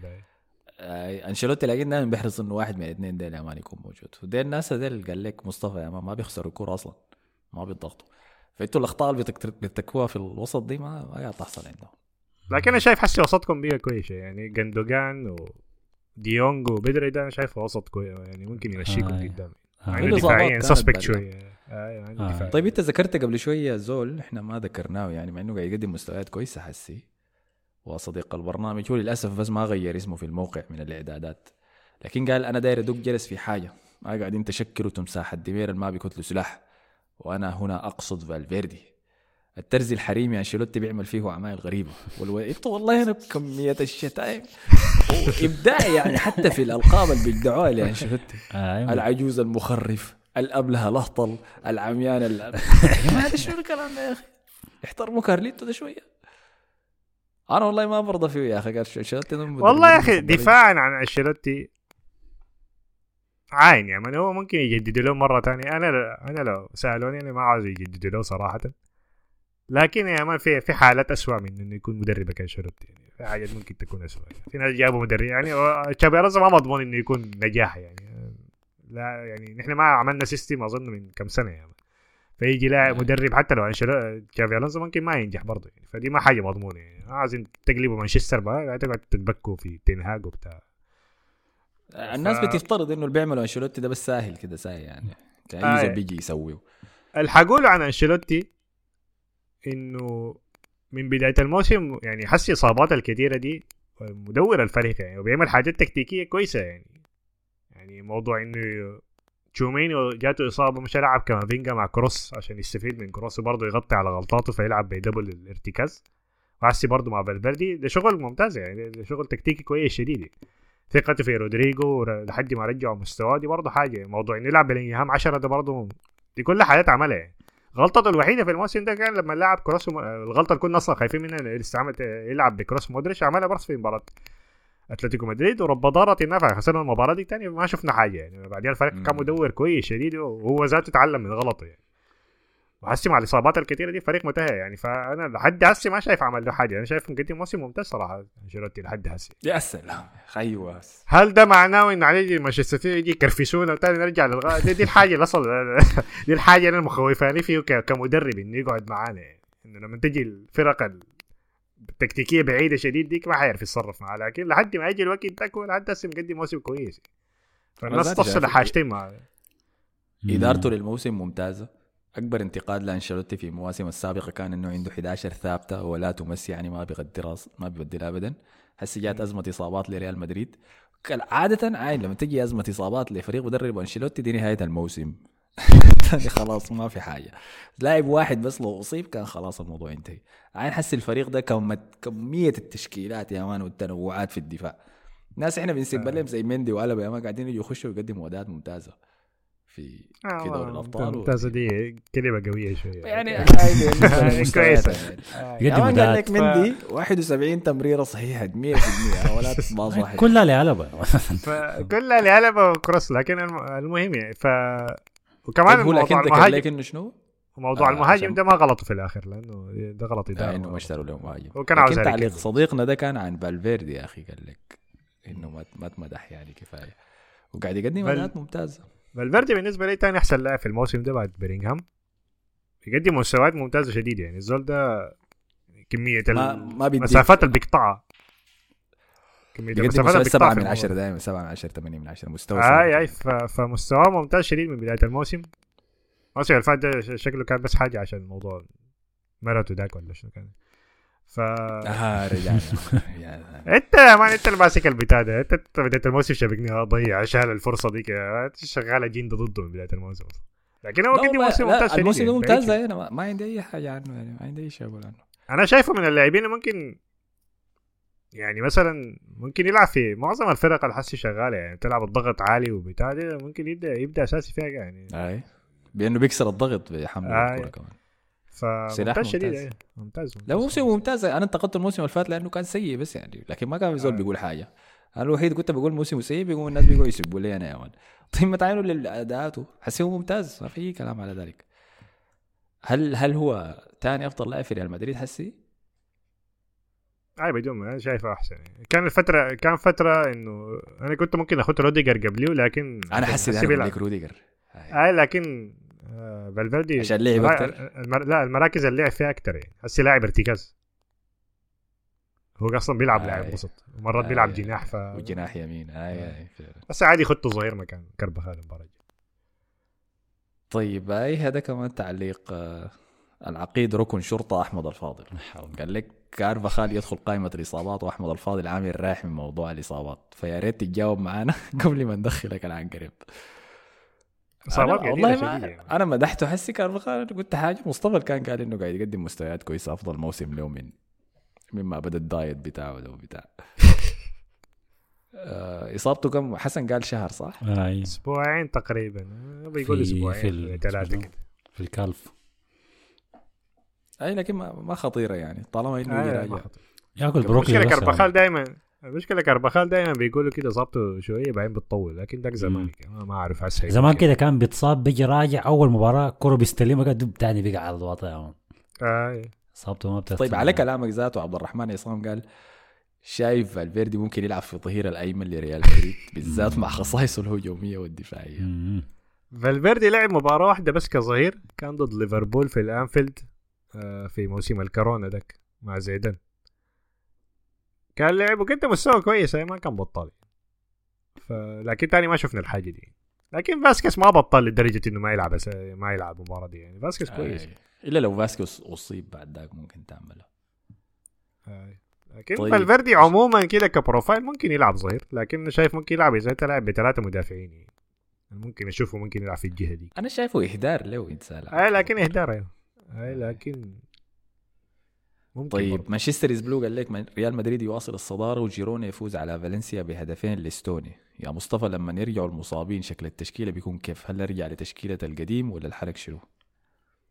أنا شايف ترجع للتشكيلة اللي كان المفروض كان بيلعب بها في ال pre-season اللي هي ما لعبنا فيها كتير. يعني فينيسيوس رودريجو وبيلينغهام. والنص بتاعك يكون تشوميني وبعد كده يا يا كروس و يا كروس يا كامافينجا. أو فالفيردي يكون في فالفيردي أنا شايفه يلعب أساسي بعدين يا كروس وكامافينجا تبدل بيناتهم يعني.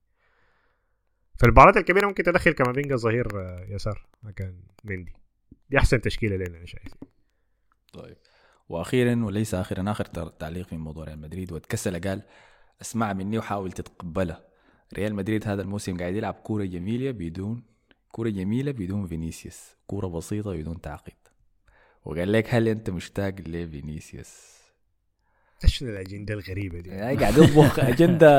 يعني ما يجي عندك كده براوي يعني. طبق نادر ده يا man. قاعد يطبخ هناك. man دي مباراة قادش و... و... غناطه واسمه غرناطة. دي ما مباراة تتحسب عليها مباراة. إذا فينيسيوس ورودريجو وبيلينغهام كلهم رجعوا في مستواهم العادي ده أنا بعد كده أرى أوروبا دي تستعيد يا. انت قصدك يعني في الليلة الظلماء يفتقد البدر آه، ما آه مستحيل ما في يعني. الليالي فينيسيوس يرمي- اللطيفة ال- عشان. شكوته من الحكم دي حتحرمي كل مستوياته يعني. لاعب ممتاز يا أخي. ده بكون من الناس اللي كانوا بصفروا في فينيسيوس في فالنسيا آه يعني الناس اللي بترمي موز. قشر موزة على الناس. آه مع حسن. تعال رح طيب دي كان كل تعليقات ريال مدريد. حسه في خارجيات فخلينا نمر سريع عليك كده قبل ما نقفل. في اشتباك حوالين باولا أنا فجأة يا man. الناس دي man عشان الشتاء بدا الناس قبلت على باولا. فمؤيد قال يا حسن باولا دي single ولا مأخوذة ضحكتها دي ضغطت مشاعرنا يا أخي. جيبوها لنا بدل أحمد. باعوك يا أخي. يهوش الأنقرب وتوني 249 قال shout out لباولا وضحكت باولا ولبوليفيا كلها. انت في علاقة بين الشتاء وهنا موضوع الربيض ده ولا ولا دي بس إشاعة كده سي اي في علاقة كبيرة يا أخي. علاقات بت... العلاقات معظمها بتبدأ في الشتاء أساسا تنتهي في الصيف. أقول لك إحنا إحنا كنا مع بعض ست شهور بس عين ست شهور دي بتكون 200 يا man وسط. نوفمبر كده لحد شهر خمسة حسب. بيحب يحسب يا man طب دي. لها علاقة بين موسم الاعراس برضه في الشتاء؟ ما أعرف. دي عندي عند أحمد. أحمد عنده خلفية عن حاجات الجاده عشان الجو بس عشان الجو. عشان الجو بس يعني. مم. okay معناها الجو بس يعني. الناس بتكون بس مزاجها كده رايق أكتر يعني بس.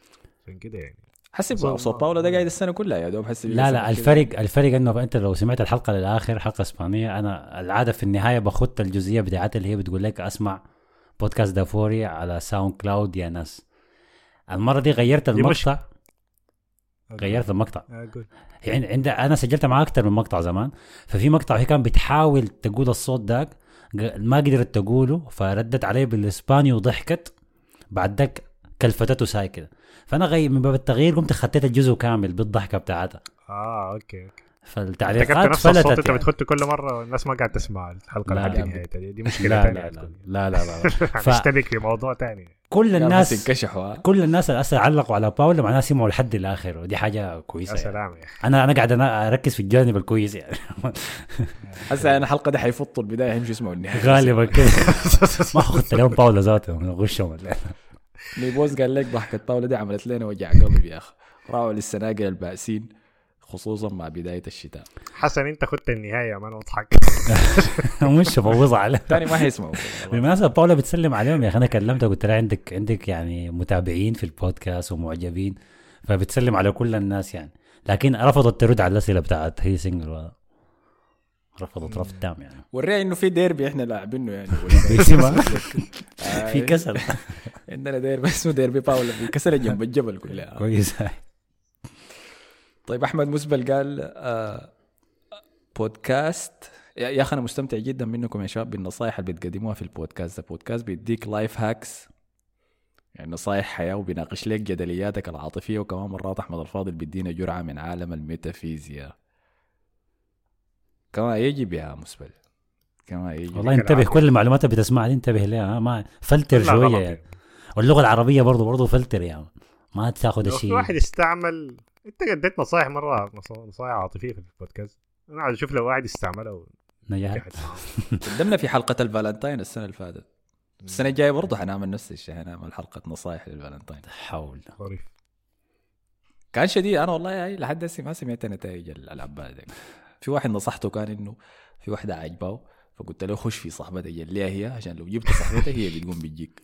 يستر. ما أعرف هل كان عنده الشجاعة عشان ده عمل لنا block غالبا يعني. يطبق التكتيكات. أنا بديك تكتيكات صعبة يا ما فهمت أنا دايرك تفوز بالدوري ما داير أدخلك ال Europa League ولا حاجة. والصافي قال hi أحمد غيرت اسمي؟ يا ساتر. الصافي قال غيرت اسمي عشان ما تعبك معي. هاي للعربي. شكرا لك يا صافي يا أخي. لك. الناس تت- تتبع الكلام ده. تكتب اسمه بالعربي بس تريحني. صحيح. ابن عوف قال خارجية عندي صاحبي من النازحين ولظروف الحرب ما عنده تلفون.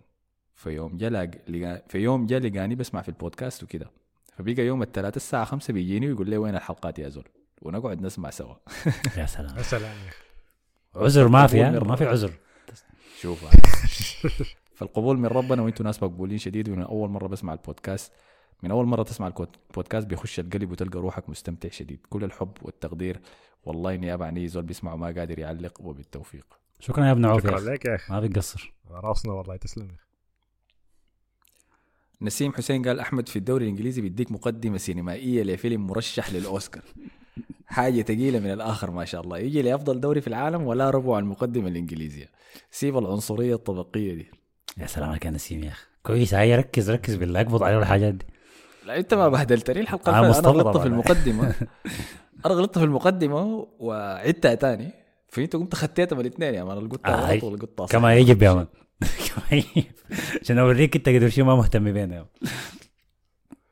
محمد عامر قال برضو يا احمد في عنصرية واضحة بين مقدمة الدوري الإنجليزي والإسباني. شد حيلك معانا شوية هنا في الإسباني. آه، أنا أشوفك أنت بتشتغل تحت الضغط أحسن ولا؟ لا عشان كده. بالظلم جاير. ونسيم حسين قال هل تعلم انه برشلونة هو الفريق الوحيد الذي لم تستقبل شباكه أي هدف في آخر موسمين في الأدوار الإقصائية من دوري أبطال أوروبا؟ يا ساتر. أنا قاعد- الحزام. أنا كنت بقرأ في التعليق ده كنت مبسوط كده بعدين نهاية التعليق ما عجبتني. قلت الله يا أخي ده شنو مقلب؟ كتر الإحصائيات دي يا نسيم أنا عجبتني دايره والله المشكلة لكن يمين شمال كان أصغر لاعب يخسر الكلاسيكو دي مرة المشكلة المشكلة إنه برشلونة وريال مدريد وأرسنال كلهم متصدرين صح؟ فما حيلعبوا ضد بعض. لا، لا. ما يلعبوا ضد بعض. وعدنا دور الثمانية إن شاء الله. والصادق المدريدي قال خارجية مهاجم برشلونة السابق لوك دي يونغ هو هداف بطولة دوري أبطال أوروبا برصيد سبع أهداف. يا حسن ليفا في دوري الأبطال والدوري اثنين سوا سبعة. كرع في نص قلبك يا حسن تكشف بس آخ. مشكلتك بس. يا سلام يا أخي. لوك ديونج الأسطورة يا أخي. كل الحب. لعب ضدنا. ما هو في مجموعتنا في. بي إس في أينهوفن. وكرفسنا والله ما عمل أي حاجة. طلع إشبيليا بغادي. إشبيليا إشبيليا باقي له مباراة واحدة عشان يخش ال- ال Europa League أعتقد دي الخطه. ذاتها أساسا كانت كما يجب. هسه المباراة الحاسمة في ال- الكورة الجاية دي. بينه وبين لونز نسيم حسين قال خارجيات بعض من جماهير أرسنال بيقولوا إنه ساكا أفضل من الهندي أوي أوي أوي أوي فالسؤال هو إذا ساكا ورودريجو في فريقك منو اللي حيمسك الأساسية أنا شايف ده سؤال. ندي لحسن لأنه هو المحايد أها. والله أنا عايز لي لاعب يكون جناح وفي نفس الوقت بيسجل فهاخد رودريجو. ما دي إجابة غريبة. لكن أنا أنا لو سالت أنا حقول ساكا لكن أنا حقول ساكا مع ك... بدون تحيز. يعني حقول ساكا لأنه هو جناح يمين. رودريجو ما جناح وما عندكم جناح يمين. لكن رودريجو قدام الجون أحسن من. ساكا قدام الجون. آه لكن رودريجو. كهداف أحسن من ساكا. أنا عايز لاعب هداف. وعمر 89 قال واضح من قرعة اليورو والمؤثرات الصوتية إنه البطولة حتكون مولعة يا أحمد أنت كنت شغال في التنظيم ولا شنو؟ هذه كانت خارجية؟ كبيرة آه في ال- القرعة بتاعت آه. أمم أوروبا يورو 2024 هتكون في ألمانيا قرعة المجموعات آه في هاكر أو في واحد بتاع مقالب في اليوتيوب اسمه جارفو آه إنجليزي خش القاعة بتاعت ال- القرعة نفسها قبل القرعة بكم يوم وخلى تلفون جوا القاعة كويس. بعدها جاء يوم القرعة فعمل ال stream بتاعه اونلاين في اليوتيوب لكل الناس فبيقوم بيتصل على التلفون اللي خلاه ده والتلفون ده بيطلع أصوات يعني غير لائقة يعني في نص القرعة. فهم بيطلعوا كده انجلترا ستكون ضد وهو يتصل على التلفون تطلع الأصوات دي كلهم بيتلفتوا يمين شمال ده من التلفون بيبقى ال security هو يفتشوا في التلفون ما لاقينه. فبوظ القرعة كلها يعني الزول كما يجب هي بايظة أساسا ما محتاج. اي يورو ده بس اليورو دي لاعبين ده عليه بعد سنه من كاس العالم أنا ذاته ما كنت عارف انه في يورو السنة دي آه، بس سنتين. هتكون يعني في ضاربه مش الس- ذاتها يعني خمس ما ساعات السنة الجايه السنة الجايه نهايه الموسم ده آه، 2024 2024 اي كاس العالم كان في 22 ففرق سنتين تقريبا آه، زي كاس العالم ده حسيت السنة اللي فاتت. آه عشان نهايه السنة نهاية عشان كان السنة. متأخر بس. لكن في مجموعه قويه ايطاليا واسبانيا وكرواتيا والبانيا في نفس في نفس المجموعه ألبانيا. ألبانيا. فده ده, ده, ده الفريق اللي يا هي يا هي تردم من الكل يا هو اللي يعمل المعجزة ويبوظ المجموعة كلها فوق تحت يعني. المشكلة المنتخبات كلها كعبة يا أخي. إسبانيا كعبة آه، إيطاليا كعبة ألمانيا كعبة أنا ما عارف ده شنو. عشان كده رونالدو لسه قاعد يعني. ممكن يكون في الصوت الاخيره قال لي شوف الوضع شنو. طيب وفخري لندن قال أحمد الفاضل موضوع ال ACL ده من كثرة المباريات تقريبا حكم الألماني بيريتش وحكم الإيماري يع- الإيراني يعقوب كي برضه ما نجوا لأنه خلال الشهرين الماضيين حكموا 23 مباراة دولية وإقليمية ومحلية. آه. الناس كلها معوقة يا أخي. خليفي والحكام أي زول. طيب وأخيرا وليس آخر اخرا يعني آخر تعليق. سنتينل قال حسابكم بتاع التليجرام ده قناة ما group لكن دي معموله معلومة تافهة عمل لي حرقان مما اتعملت القناة والله شكرا لك يا سنتينل هي قناه أي. آه، أنا اكتشفت الحاجة دي فدي كانت كل التعليقات في حلقة دافور الإنجليزي مسكنا وقت طويل. والله لكن ش- هذه إسباني مم. شايف خلاص دي لما نصل نقرب منتصف الليل بتبدا خلاص. منتصف الليل. منتصف الليل. طبعا على النقطة دي. أخير آي. قبل شوية بس أعلنوا بشكل رسمي فوز خافير تيباس لولاية جديدة كرئيس لرابطة اتحاد الدوري الإسباني لكرة القدم. من غير أي منافس. ولا حول ولا قوة إلا بالله. حركته نجحت ها. كما لا يجب يعني. فعلى النقطة دي شكرا لأي زول قاعد وسمع لحد النقطة دي يعني. وشكرا لأي زول بالتأكيد أخذ الوقت وكتب تعليق. نشوفكم في حلقة الأسبوع الجاي من دافور الإسباني. شكرا لك يا مصطفى. شكرا لكم. شكرا لك يا حسن. العفو. والسلام عليكم اسمع بودكاست دافوري على SoundCloud يا ناس